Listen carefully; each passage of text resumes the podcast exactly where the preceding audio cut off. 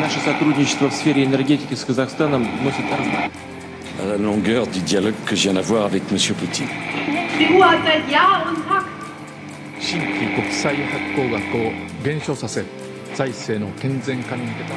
Símbolo del fascismo en Sudamérica.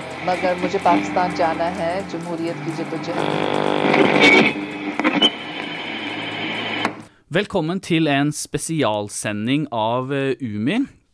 I dag skal vi snakke om det tyske valget som var i helgen, og med meg har jeg Jani Beram og Olav Widsvang. Mitt navn er eh, Carl Fredrik Wergeland, og nå den neste halvtimen cirka skal vi oppsummere litt av, eh, av helgens hendelser. Så gutta, kan ikke en av dere begynne med å fortelle litt om hva som skjedde i helga? Vel, Merkel eh, kommer til å fortsette som forbundskansler i Tyskland, men storkoalisjonen med sosialdemokratene kommer ikke til å fortsette. AFD, Alternativ for Deutschland, som er det litt uh, høyreekstreme partiet, har gått veldig mye opp.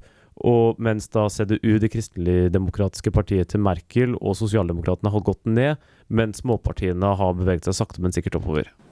Apropos eh, småpartiene, Johnny, kan ikke du snakke litt om hvordan de eh, gjorde det i helga? Altså Småpartiene gjorde det ganske bra, og mye av grunnen til det er jo at eh, SPD og eh, Kristdemokratene gikk jo i regjering sammen.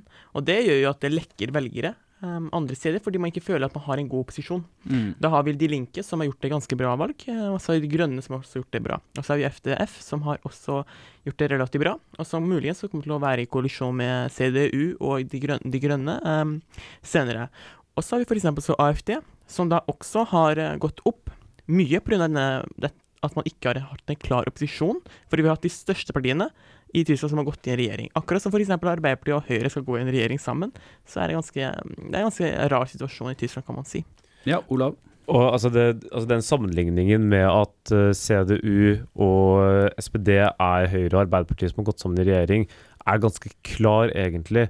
Og det er derfor jeg syns det er ganske enkelt å se for seg hvordan det hadde vært i en norsk tilstand da, hvis eh, de to regjeringene hadde gått sammen. Folk hadde jo blitt lei, og da er jo da den ene siden hadde blitt sterkere enn den andre, som da har vært situasjonen med Merkel sitt parti. For regjering, regjeringsslitasje har jo vært et eh, reelt problem, for selv om Merkel vant valget, så gikk jo også hennes parti eh, veldig langt ned på målingene. CDU tapte rundt 9% fra forrige valg, da fikk de oppunder 40 jeg tror de fikk 42 av, nå fikk de 32, og SPD, altså sosialdemokratene der, de gikk jo ned til eh, 20 de gikk ned mange prosent i år. så de har jo virkelig tapt seg begge to. Si litt om det, Olav. Altså, Sosialdemokratene har jo ganske lenge, eller i denne regjeringen her, da, følt at de har vært veldig i skyggen til Merkel. Og veldig mange mente jo, vi snakket om dette her i eh, reportasjen vår eh, forrige uke, om dette her er jo på sett og vis en, et bra valg for sosialdemokratene å tape. For at da får de litt tid til å være i opposisjon, da får de hørt stemmen sin høyere. Og da får de kanskje gjøre litt med imaget sitt. Og da få fire år på å kunne tenke seg om å lære av feilene sine, er for dem egentlig kanskje en god Uh, En ganske uh, god situasjon å være i. Ja, for Schultz gikk jo tydelig ut på søndag og sa at vi går i opposisjon. SPD skal være et opposisjonsparti, fordi selv om CDU, CSU og SPD hadde jo kunne fortsatt å regjere hvis de ville, men Schultz gikk jo tydelig ut og sa vi er et opposisjonsparti de neste fire årene. Hvorfor gjorde han det, Gianni? Han gjorde det for å på en måte få de velgerne han tapte. Altså, som, som sagt, man har ikke en klar opposisjon, og det er helt klart at SPD skal være opposisjonspartiet eh, når, eh, når, man ikke har eh, det opposisjonen. Og derfor har de andre partiene, som De Linke, som da står venstre for SPD, gått fremover, mens SPD har gått nedover. Og det, det gjør jo Martin Schulz, for han har skjønt at man må bygge opp partiet.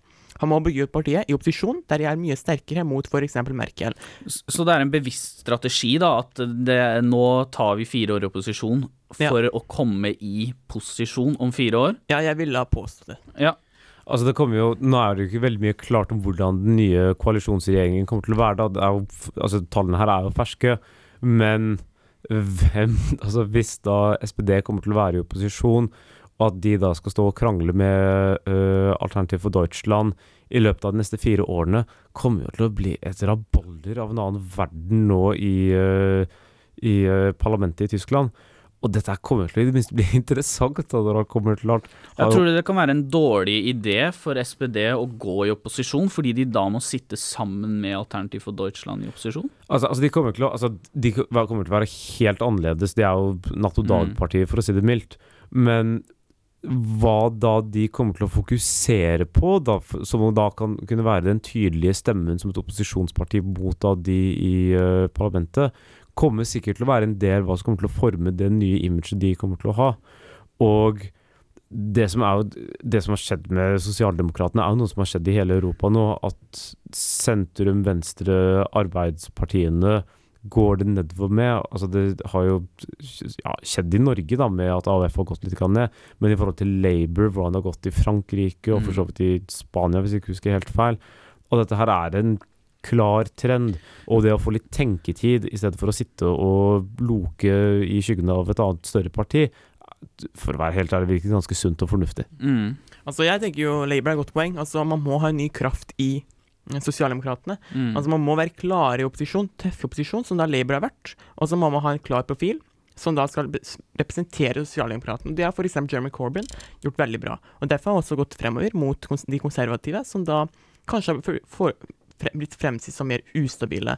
Mens i opposisjon så, så blir han mer sånn tøffere. Man kan være mer klarere enn om man er f.eks. i regjering. For Mm. mange av de sakene som da SPD har stått for, påstår dem, har da Angela Merkel tatt æren for. F.eks. Ja. når det kom til timelønn og slikt. Så det er det som er planen til Schultz nå, da? Å gå tydelig i opposisjon? Det Ja. vil jeg på- påstå muligens er en, også en god idé. Men hvis vi, trekker, hvis vi trekker blikket litt ut, du nevnte jo, vi har jo snakket litt om andre partier, og det har jo vært en generell nedgang i Europa nå på de etablerte partiene. Vi har sett det i Frankrike, vi ser det i, i Holland blant annet, og vi har sett det i Sverige også. og vi ser det jo til en viss grad, eller til en ganske stor grad også nå i Tyskland, med at både CDU og eh, Arbeiderpartiet eh, taper mange stemmer.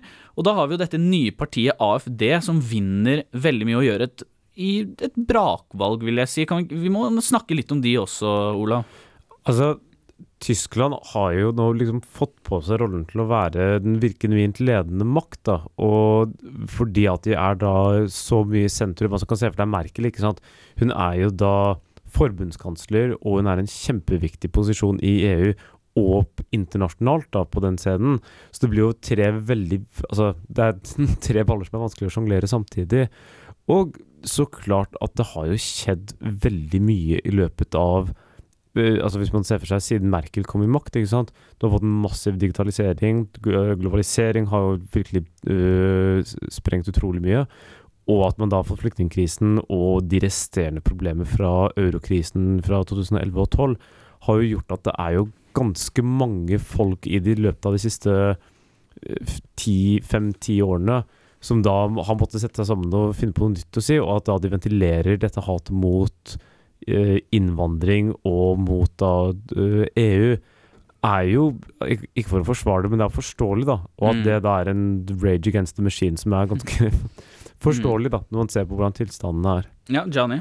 Altså Siden Merkel har gått ned med partiet sitt, så tenker jeg at Frankrike med Macron kommer til å ha en mye større rolle i Europa, og Mm. muligens også i verden. For De kommer kanskje til å ha den ledelsen, mye fordi En Marche har gjort et ganske godt valg, parlamentsvalg i Frankrike, som har gjort at de har fått mye av det flertallet, og som gjør at Macron har mye mer uh, Men, men selv om Merkel har, sitt parti har mistet stemmer, så er det jo fortsatt hun som er den ubestridte lederen i Tyskland. Tror du virkelig at, at hennes posisjon i Europa kommer til å svekke Ja. Det er, altså, det er helt sikkert hun er lederen for Europa, og Hillary Clinton har også påstått at hun er leder i den frie verden. Men spørsmålet er, man kan stille seg, er hva som skjer etter at hun går av. Kommer virkelig Martin Schulz til å for eksempel være den som er lederen av den frie verden, eller er det f.eks. Macron? Det er det man må stille oss. Fordi, Eller Donald Trump, kanskje? Altså, ja, men, men det kan man diskutere. Altså, Donald Trump har gått i en Nei, er mer isolerende linje. Og Europa har tatt mye mer ansvar, spesielt Angela Merkel. og Derfor Lille Clinton for eksempel påstår at, eh, at hun er begynt å bli en fri, leder av den frie verden. Mm. Altså, det som skjer nå, da, altså med øh, altså Macron-Merkel-alliansen, da, som begynner sakte, men sikkert å boble opp nå. Altså, Macron har vært uh, president nå i et par knappe måneder, og uh, Merkel, da, som er på en måte den stabile europeiske moderen på en måte for øyeblikket. Hun har jo sittet i tolv år nå og går løs på fire nye år. Det er jo uhørt lenge i, i, hvert fall i norsk sammenheng og i mange andre sammenhenger også. Ja, ja altså i Tyskland må man gå tilbake til Adenauer, Ja, tror jeg. Rett etter krigen, ja. Eh, Rett etter krigen, Mm. og man kan si at sånn betyr det at hun enten er en veldig god politiker, at folk er livredde for forandring, og at de har lyst på en person som virker stabil.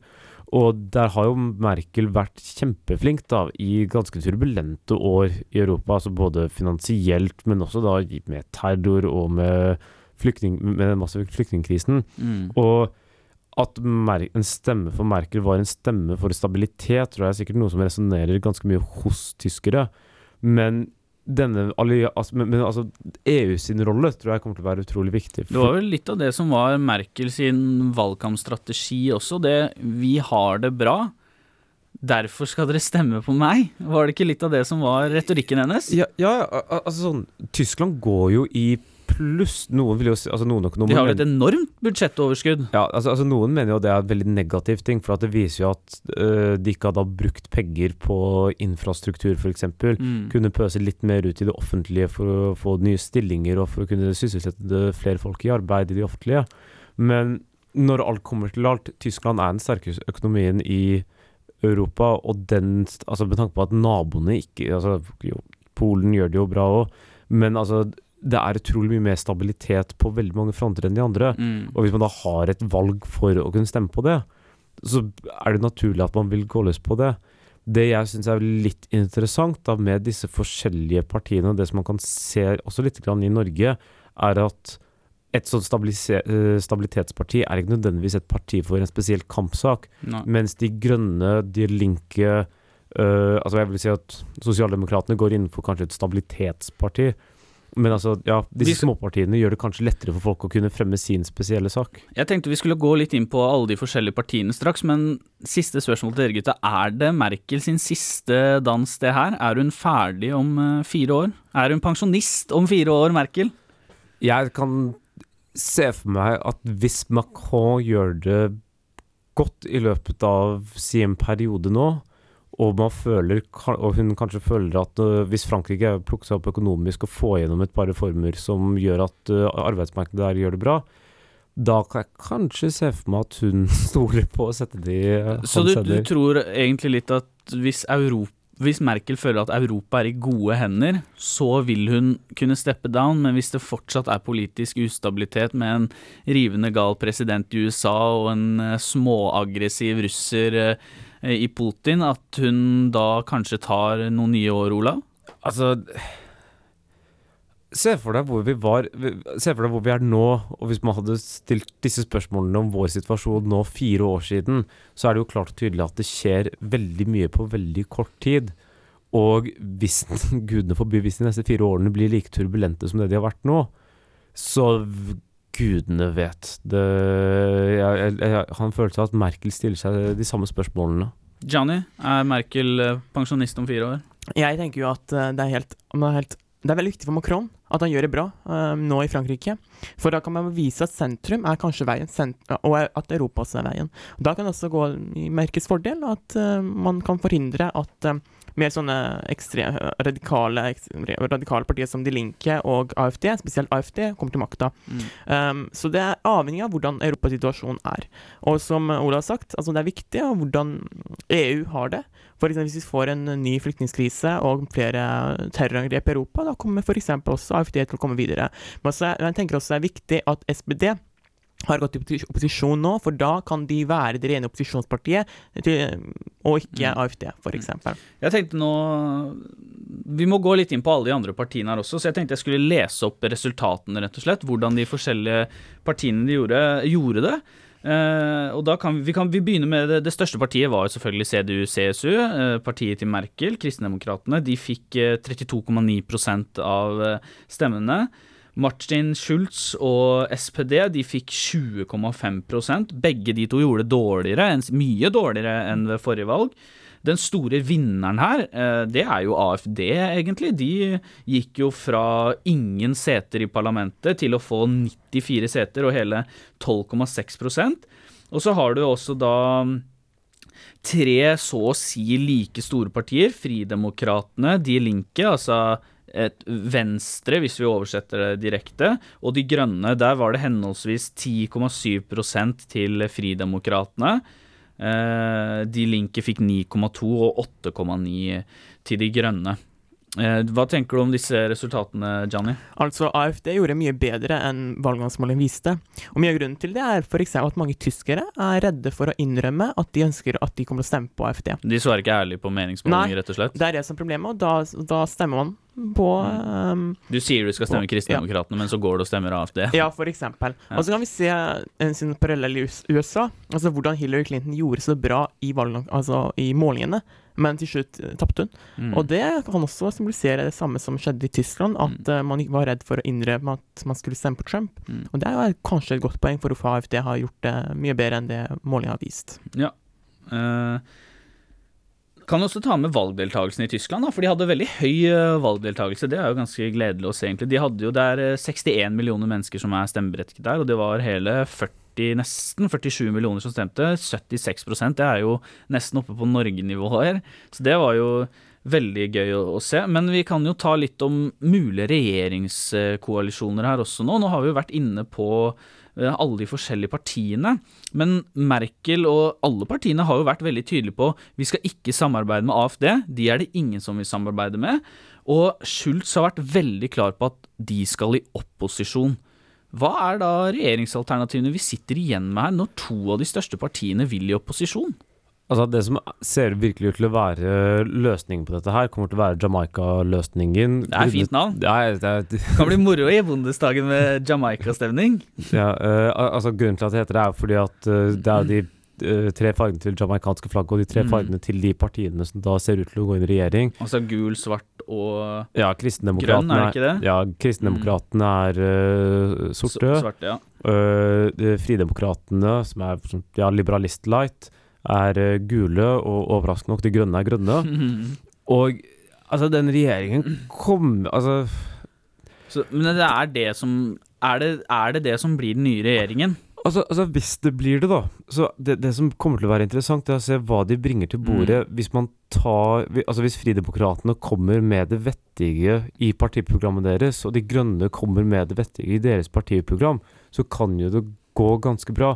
Uh, Tyskland For det er vel det som er litt problemet her. At du- du har CDU i midten, og så har du De Grønne på den ene siden og Fridemokratene på den andre, og der er det en ganske stor splid.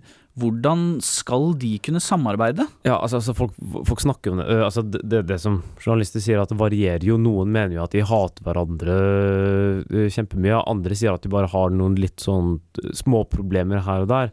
Så det blir jo da opp til Merkel, hvis, altså hvis det da blir en Jamaica-regjering, koalisjon, at de da greier å finne på en måte de gode løsningene deres. Hvis de grønne greier å fremme en god grønn politikk som de uh, fridemokratene er litt skeptiske til, for at de er, ikke så, de er veldig mot regulering. Er det der den største spliden mellom de partiene går, egentlig? Ja, er det det som er det største? Al- al- Altså, De grønne er veldig glad i EU, og de er veldig glad i statlig regulering av klima og miljø. Det har ikke Fridemok Fridemokratene er ikke så veldig fornøyd med at EU skal herske med Tyskland, og de er ikke så veldig glad i regulering. Hvis da Fridemokratene greier å f.eks. kutte litt sånn red tape, da gjøre det lettere for vanlige folk i Tyskland, så vil jo det mest sannsynligvis hjelpe til for, uh, for folk for, for uh, arbeidere og folk som har lyst til å komme seg i arbeid. Så det blir jo en litt sånn balanse mellom hvis ting kan gå bra, hvis ting kan gå dårlig. Mm. Og det blir jo interessant å se. da. Jeg håper jo at det går bra med Tyskland. De har potensialet for det, men uh, Merkel må altså få ut en sånn Bismarck-nivå av diplomati mellom de to partiene. Men vi kan jo, jeg vil gjerne litt inn på dette med lederen til Fridemokratene, Christian Lindner. Han er jo veldig motstander av en videre europeisk integrasjon økonomisk. Og Macron har jo lansert ideen om et, eh, et felles eh, eh, finansdepartement for EU og en finansminister om felles finanspolitikk. Hvordan kan den krasjen der bli? Merkel og Macron er jo kjent for å være ganske enige om disse spørsmålene. Hvis vi får en f.eks. finansminister fra Fridemokratene som har helt andre ideer, Kan ikke det bli veldig krasj, Gianni? Man kan jo tenke seg at Fridemokratene spilte mye på retrikk. Kanskje de er mer, er mer regulerende i regjering. Frp har spilt mye på retrikk og vært mye mer eh, forsiktige i regjeringa, f.eks. Selv om det finnes unntak med f.eks. Sylvi Lysthaug. Men, eh, men jeg vil også påpeke at det kan være retorikk. Men det vil selvsagt være spennende å se eh, om de faktisk vil gå inn for, for at de skal liksom um, stå for um, en mer isolerende politikk. Ja. Og det er jo veldig sånn um, Vet ikke, Det blir veldig spennende å se. Det blir veldig spennende å se. Vi kan også dra litt tilbake til AFD.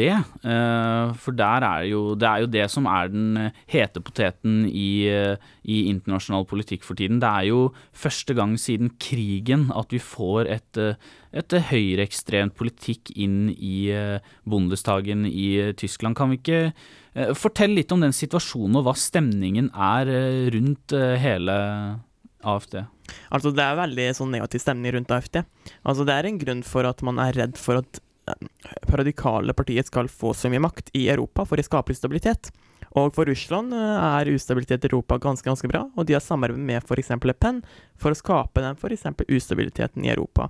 Jeg tenker at et sterkt Europa er også viktig for Eh, fremtida, for demokratiske fremtida, der vi stiller sterke mot f.eks. isolerende Trump i USA, og eh, kineserne som ikke respekterer menneskelighet så mye, spesielt også Russland, som da um, har gått inn for å være mer autoritære med Putin.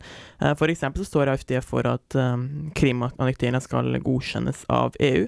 Og det kan være kritikkverdig og veldig vanskelig for EU å godkjenne, um, og verden, selvsagt. Altså, altså det med Alternativ for Deutschland som er interessant, da, er for at de, altså nå har de 10% Altså det er jo ikke sånn som i Sånn som det var i Frankrike i den andre valgrunden, hvor det kunne hende at de ville faktisk få mm.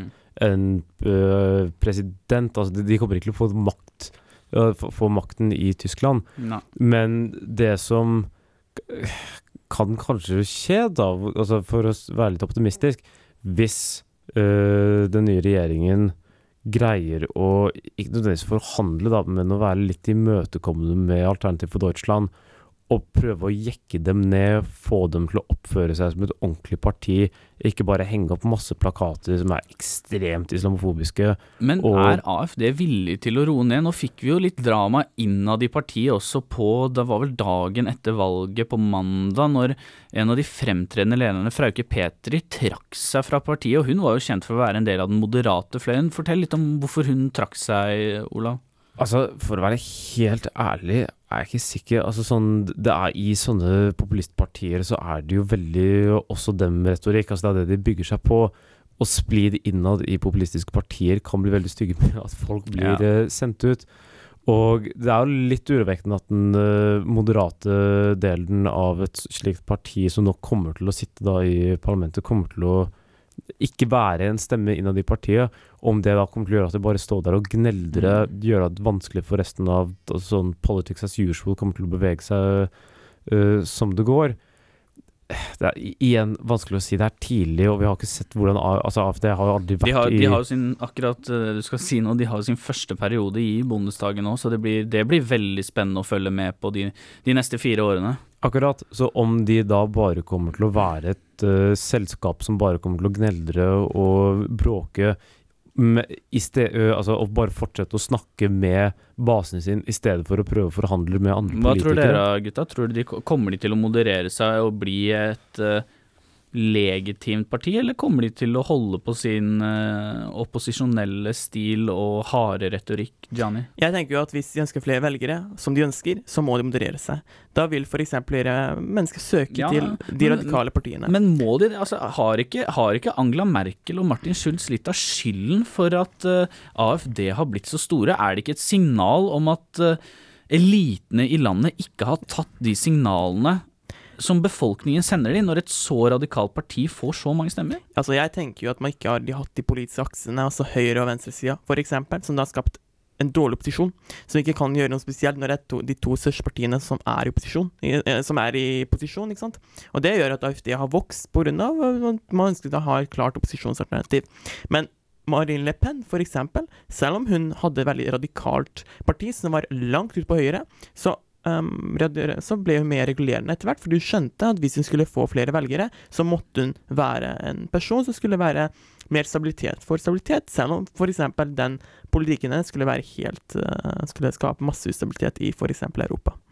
Mm. Altså, det Det som er jo vrient med sånne partier, er at ingen har jo lyst på dem utenom de som stemmer på dem. Mm. Altså sånn som man ser jo uh, for, altså, Nå har jo ikke vi et den type populistisk parti. Altså Man kan si så mye stygt man vil om Frp, men de er jo ikke på samme nivå som da Front National eller eh, eh, Eller hva er det det? Frie Nederlendere Fritt Nederland med Gert Wilders. Ja. Altså De er jo en helt egen skala. Altså De er med sånn Sverigedemokraterna.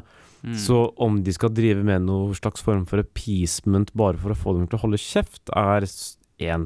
Men hvem er, det, hvem er det som har skylden for at eh, AFD har blitt så Altså, Tyskland installerte jo denne sperregrensen på 5% etter krigen rett og slett for å hindre at ekstreme fløypartier kommer til makten, men når de blir så populære at de er oppe og snuser på 12-13 da Hvem er det som har skylden her for at de blir så sterke? Altså, altså, jeg tror for å være helt ærlig at det er en ganske blandet pose. Altså, så klart Mm. at flyktningkrisen har gjort polaris, polarisert Tyskland veldig mye. Altså, man ser hvor, på, altså, bare i Europa generelt, ikke sant, så har de måttet gjøre at folk har valgt sider, og det har blitt en veldig sånn enten-eller-dynamikk i hele problemstillingen.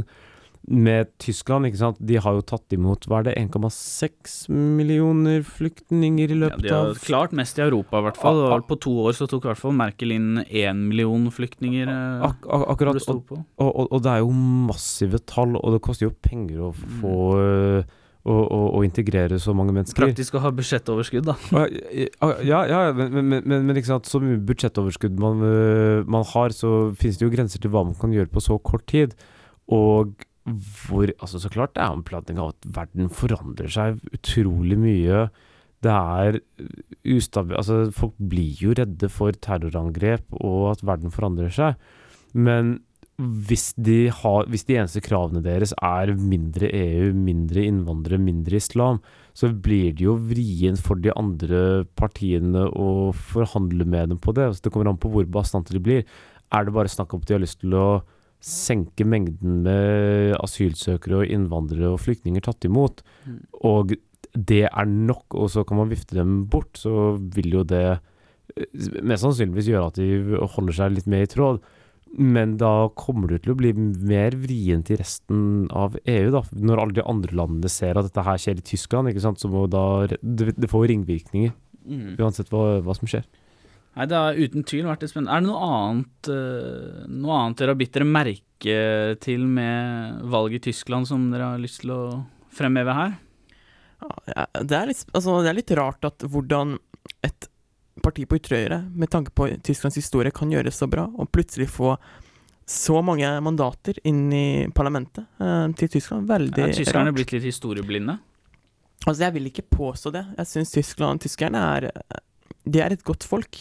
Altså, De vet historien sin ganske godt. De liker ikke å snakke om andre mennesker så mye, fordi de er, de er veldig de, de skjønner at de har på, påført mye vondt hos folket, men det er rett og slett at folk har rett og slett fått nok av uh, politikerne, f.eks., av, uh, av at, folk, at folk ikke blir hørt.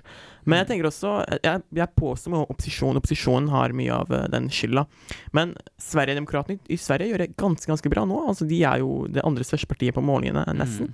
Og det jo Og det er jo av flere grunner. Og det er innvandring er Har jo Italia også, med Ja, altså- femstjernersbevegelsen Ja, der. altså, Er, jo, er, ikke, er ikke de det største partiet i Italia nå? Det er jo Jeg vet ikke, men, men Hellas gjør, Altså Hellas, jeg, jeg ikke hva partiet der heter, men de gjør, det Mm. partiet der gjør det ganske bra. Syriza, Ja, er det ikke altså, det det heter? Ja, for eksempel så har vi nynazister som da marsjerer i gaten i Fredrikstad, for eksempel. Mm. Så har eh, nynazistene vært der flere ganger. Og så har, har man ønsket å arrangere solidaritetsaksjon for homofile i Fredrikstad. Det er ganske greit. Men, men jeg tenker også man må lytte til disse her. Man må lytte til eh, de som, er, eh, de som stemmer imot eh, de etablerte partiene. For hvis man lukker dem, som har gjort i Sverige ganske lenge, lukka er det, vi gidder ikke å høre på dem, da, de ut, ja, da, da får de dem oppslutninga. Da øker dem. Og det er veldig viktig å lytte til dem og prøve å få til en dialog. Mm. Den dialogen kan Spesielt når Altså, man kan godt ha fordommer mellom f.eks. innvandrerne, altså at innvandrere er slike, ikke sant. Men når man først møter innvandrere forsiktig, da, da skjønner man at de f.eks. også er viktige for samfunnet vårt. Mm. Og de fordommene er eh, veldig negative. Olav? Dumme. For å være litt mer optimistisk, jeg syns det er veldig fint at De Grønne har gjort det så bra i Tyskland. Ja. Altså, de, altså Tyskland er Det Jeg er enig faktisk. Det er veldig enig i. Eh, altså, så trist det er med, med at høyreekstremister og eh, de eh, reaksjonære og den slags eh, kommer inn i parlamentet, så er det jo utrolig fint at Tyskland sitt grønne parti, som var da et sånt rufsete parti på starten, at de har kommet såpass høyt oppe, Mm. er utrolig bra. For at Tyskland er veldig gode på grønn politikk. De har funnet gode måter på å installere solcellepaneler. Mm. De greide å Altså, de har jo store planer med bilindustrien på å gjøre den mye grønnere. Og at de da får Hvis, de, altså, hvis da Jamaica-regjeringen, øh, koalisjonen, kommer, og de, og de grønne sitter i partiet Jeg kan egentlig ikke tenke sist gang et europeisk Et stort europeisk land har hatt et klimaparti i regjering. Jeg tror kanskje Holland hadde det. Johnny? Sverige hadde De har et um, Sosialdemokratene og De Grønne samarbeider veldig tett sammen. Mm. Ja, altså, altså Kjempefint. Og at da du har såpass mange som tar eh, klimaforandringene og det grønne skiftet seriøst. Mm. Altså, eh, kan jeg si jeg har ikke fulgt med så mye på hvordan de grønne i Sverige uh, er, uh, er akkurat der. Men med tanke på hvor fremsynet veldig mange tyskere er angående klima, og, og da ikke bare sånn ta på deg en genser, da sparer du miljøet, men å få inn genu, et genuint lovverk som påkrever å få grønnere bygd, byer Altså, få, altså det det er her vi liksom begynner virkelig å se det grønne skiftet, når det ikke bare er sånn småinitiativ på småbasis, men Mm. når man da faktisk får en verden, altså en av de virkelig store verden, uh, landene i verdensøkonomien, må begynne å ta dette her seriøst. Så vil jeg si at det Ok, ja, nitrist med at det er Mm. Men du, du ser det grønne lyset i Ja, enden av tunnelen, ja, ja, altså, Olav. altså kjempebra. Altså Med tanke på at de greide å avvikle seg fra atomkraft. Der Mm. strides de lærde hvor grønt det var, for at de endte opp med å gå over til mer øh, gass og kull. Mm. Men hvis de nå greier seg å gå over til mer grønn energi, og greier å vise da en mal for hvordan et stort industrielt land kan gjøre et genuint grø- grønt skifte, men da ikke at det bare er en sånn økonomisk ja, fra bunnen av, men fra toppen av at de kan vise det, det syns jeg faktisk er veldig spennende. Mm. Ja, Johnny? Altså, jeg er helt enig i at det er bra at De Grønne har gjort det så bra, men spørsmålet er om det blir varig. Altså, hvis De har jo vært et uh, godt parti lenge nå. da. Har Ja. vel hatt, uh, vært i, i Kan, kan bare si at uh, de, altså, de, de, de grønne i Tyskland uh, setter MDG i skam. Ja, de, de- er mildt sagt hakk mer de, seriøse. de grønne i. Tyskland er jo et, eh, stab, har vært stabilt stort parti siden slutten av 80-tallet, tror jeg. Ja. Johnny? Jeg er helt enig, men, men poenget mitt er, er at hvis AFD vokser og kommer til makta, f.eks., jeg tror neppe de kommer til å prioritere miljøet. De kommer til å prioritere de sakene som da handler om å gå ut av EU, f.eks. Eh, stoppe innvandring, stoppe islamisering av Europa som ikke finnes. Uh, det har f.eks. faktisk.no faktasjekket, det er faktisk falskt. Og det er også viktig, ja, det er også viktig å påpeke at Um, hvis man skal ha en sånn varig grønn politikk, så er det viktig at man ikke har sånne partier som AFD til makta, fordi, de- fordi de kommer til å være De kommer til å fungere som eh, type brannslukkere i å slukke den, den, eh, den eh, i hermete brann som da f.eks. terrorisme og innvandring har sagt, skapt i Europa. Som f.eks. Um, ja, jeg tenker ikke at uh, den grønne teknologien vil være så bra med AFD, og derfor må spørsmålet er om det faktisk blir varig. Så det er bra med en motvekt, eller motvekt til AFD, eller er det mer skeptisk at De grønne klarer å være en Nei, god motvekt? Poenget mitt er at AFD Altså, jeg tenker at poenget mitt er at De grønne faktisk kan gjøre det bra. Mm. Men om fire år, hva, hva blir resultatet da? Kommer da AFD til makta? F.eks. hvis Merkel ikke leverer. Spesielt nå som da um, det blir en mer usikker koalisjon. Det kan være mer krangel mellom politikerne, som igjen gjør at Angela Merkel må fungere som en um, brannslukker. For de sakene f.eks. de, de liberaldemokratene um, gjør, skaper masse drama. Og i stedet, da mm, virker politikken for folket mer sånn, er mer distansert, i stedet for å føle seg mer nært. Fordi man, skal, man har en sånn masse drama i, i, i, Berlin, istedenfor å fokusere på folket. Det er det som er poenget mitt. Hvordan koalisjonen kommer til å være. Kommer det å være stabilt? Og kommer AFD til å til slutt komme til makten om fire år? Mm. Og spørsmålet er jo også om Um, AFD um, og spørsmålet er jo også om Macron også gjør det bra i Frankrike, for det kan Mm. også ha en god effekt. Og Merkel, som da er også midten som Macron, vil gjøre det bra om de fire åra. Ja. Olav? For, øh, for å kunne være i regjering i Tyskland, hvor stor oppslutning må man ha da? Du må ha over 50% bare av eh, Altså, koalisjonen må ha over større enn 50 uh, Ja, stemmen. jeg, jeg, jeg tror at ikke AFD kommer til å få 40 40 prosent, prosentpoeng pluss i løpet av de neste fire årene. Men det blir jo årene. vanskelig å overse de hvis de kommer opp på 20-tallet, da. Ja, ja, men altså, altså så klart det, Men nå har vi jo en koalisjon Altså det blir jo noen koalisjon uten uh, Sosialdemokratene. Og hvis de greier å ta seg sammen og bli mer populære Og en av de hovedproblemene som uh, Sosialdemokratene har hatt, er at de har mistet vanlige arbeidere. Jeg kan ikke gi helt rent tall, men man tipper jo at ganske mange av dem har gått over til Alternativ for Deutschland. Mm. Greier de å vinne de? Og hvis da Alternativ for Deutschland istedenfor å være et sånn fringe-parti som bare lager masse rabalder, hvis de blir gjort litt mer tannløse, så er jeg ganske sikker på at ikke de kommer til å vokse veldig mye mer. Mm. Altså Det er viktig å påpeke, man må aldri si aldri. Altså Vi sa at Trump kommer aldri til å bli president.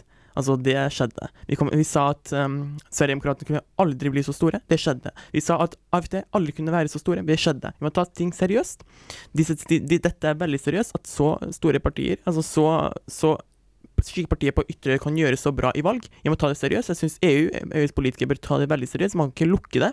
Man kan bare kritisere hele greia. Man må skape en dialog, slik at man får en forståelse for hva AFD for eksempel for, hva er det Sverigedemokraten vil, hva er det Trump vil? Hvorfor er det slik at folket stemmer på eh, kandidater på ytre? Hvorfor er det det? Vi må, vi må, altså De etablerte partiene må gå i seg selv og forstå det. Og ikke på en måte være de som er distansert. Det er slik man skaper stabilitet i Europa. Det er slik man skaper en stabilitet også i fremtida. Um, og det mener jeg blir veldig viktig. Og det er også viktig at um, politikere leverer. Um, spesielt i Frankrike, nå som Macron har lovet, lovet så mye. Jeg håper det går veien på Macron, og jeg håper også at europeisk samarbeid fortsetter i Mm. Ja, det blir veldig spennende. Før vi runder av her, så tenkte jeg vi skulle ta på oss eh, fremtidsbrillene litt, og spå litt framover i tid. Det er ikke alltid like lett, men jeg tenkte vi skulle eh, kan begynne med regjeringskoalisjon. Hva Blir det en Jamaica-koalisjon vi får se her, eh, gutter? Altså, det, det, det øh, Folk som er, higher, øh, som er bedre betalt enn meg, tipper det, men det er fortsatt øh, ikke sikkert. Det ser ut som at det kommer til å bli det. De Altså, det er jo som vi snakket om litt tidligere, at hvis de partiene Altså hvis CDU og De Grønne og Fridemokratene da, greier å bringe de beste sidene med seg til bordet, hvis økonomien greier liksom å halte fremover, da faktisk blir bedre, som man, hvor det ser ut som at det kommer til å gå, hvis da innsatsen som EU og middelhavslandene gjør for at flyktningkrisen blir mindre, også med tanke på at IS nå begynner å bli ryddet opp uh, i Syria og Irak. Hvis altså disse problemene som har vært veldig veldig store nå siden 2011, da, rent på uh, den islamsk-kvinnelige fronten, hvis det blir bedre, og verdensøkonomien blir bedre, og det blir hakket mer stabilitet, spesielt da med Frankrike Hvis dette går fremover, så tror jeg kanskje at det kommer til å gå bra. Du Ajani, er du optimist med tanke på, på Tysklands framtid, og tror du det blir en Jamaica-koalisjon? altså jeg er alltid optimist, så jeg tror jeg blir en, Jamaica, en sånn Jamaica-koalisjon. Men jeg tenker også at hvis det ikke fungerer, så kan uh, Merkel samarbeide med SPD fra sak til sak. Det vil jo for eksempel, ja, Mm. for eksempel Arbeiderpartiet gjort med eksempel Høyre og eh, Fremskrittspartiet i regjering. Jobbe med sak til sak. Det kan eksempel komme til veie hos flere. Og nå, når IS blir tilintetgjort, endelig, så tenker jeg at uh, man kan få en stabilitet i regionen, slik at så flyktningene som da er ved, i Tyrkia, kan begynne å gå forsiktig tilbake, og de begynner å hjelpe dem ved å bygge opp skoler. Og skoler er fremtida. Skole er måten man kan rekruttere borgere som da skal stå i fremtida. Veldig viktig med skoler. Um, og jeg tenker også at uh, jeg, jeg, tenker også at nå som uh, Amerika, USA, har tatt en mer isolerende linje, så tenker jeg at Europa, EU og også Kina kommer til å være mye mer viktigere, um, men EU spesielt, pga. at de står for menneskerettighetene og demokratiet. Mm. Så jeg tenker at Merkel, som da Hillary Clinton har påstått, er den nye lederen av den frie verden akkurat nå, helt til f.eks. USA går i en mer eh, globaliserende linje, som da står for at de igjen kommer til å bli lederen av den frie verden. Så kan det være en spennende fremtid. og Jeg håper som sagt at man har en stabil fremtid der um, EU står sterkt, og der uh, vestlige verdier er liksom med demokrati og menneskerettigheter, at de også spres til andre, Mm. andre steder, som Midtøsten og, og eh, Nord-Afrika, f.eks. Ja, det blir eh, uten tvil spennende å følge Tyskland framover. Kommer vi til å få en Jamaica-koalisjon? Blir det Merkel sin siste periode som eh, chancellor i Tyskland? Hvordan kommer Alternativ for Deutschland til å te seg i sin første periode i eh, forbundsdagen. Det blir eh, utrolig spennende å takke på. Men da har vi kommet eh, til veis ende i, vår, i vårt dypdykk i det tyske valget i kveld. Da vil jeg gjerne takke Jani Beram og Olav Widsvang for at dere stilte opp i studio i dag. Umir kan du finne på Studentradioen i Bergen sine nettsider og på podkast. Hør gjerne på oss mer. Takk for i dag.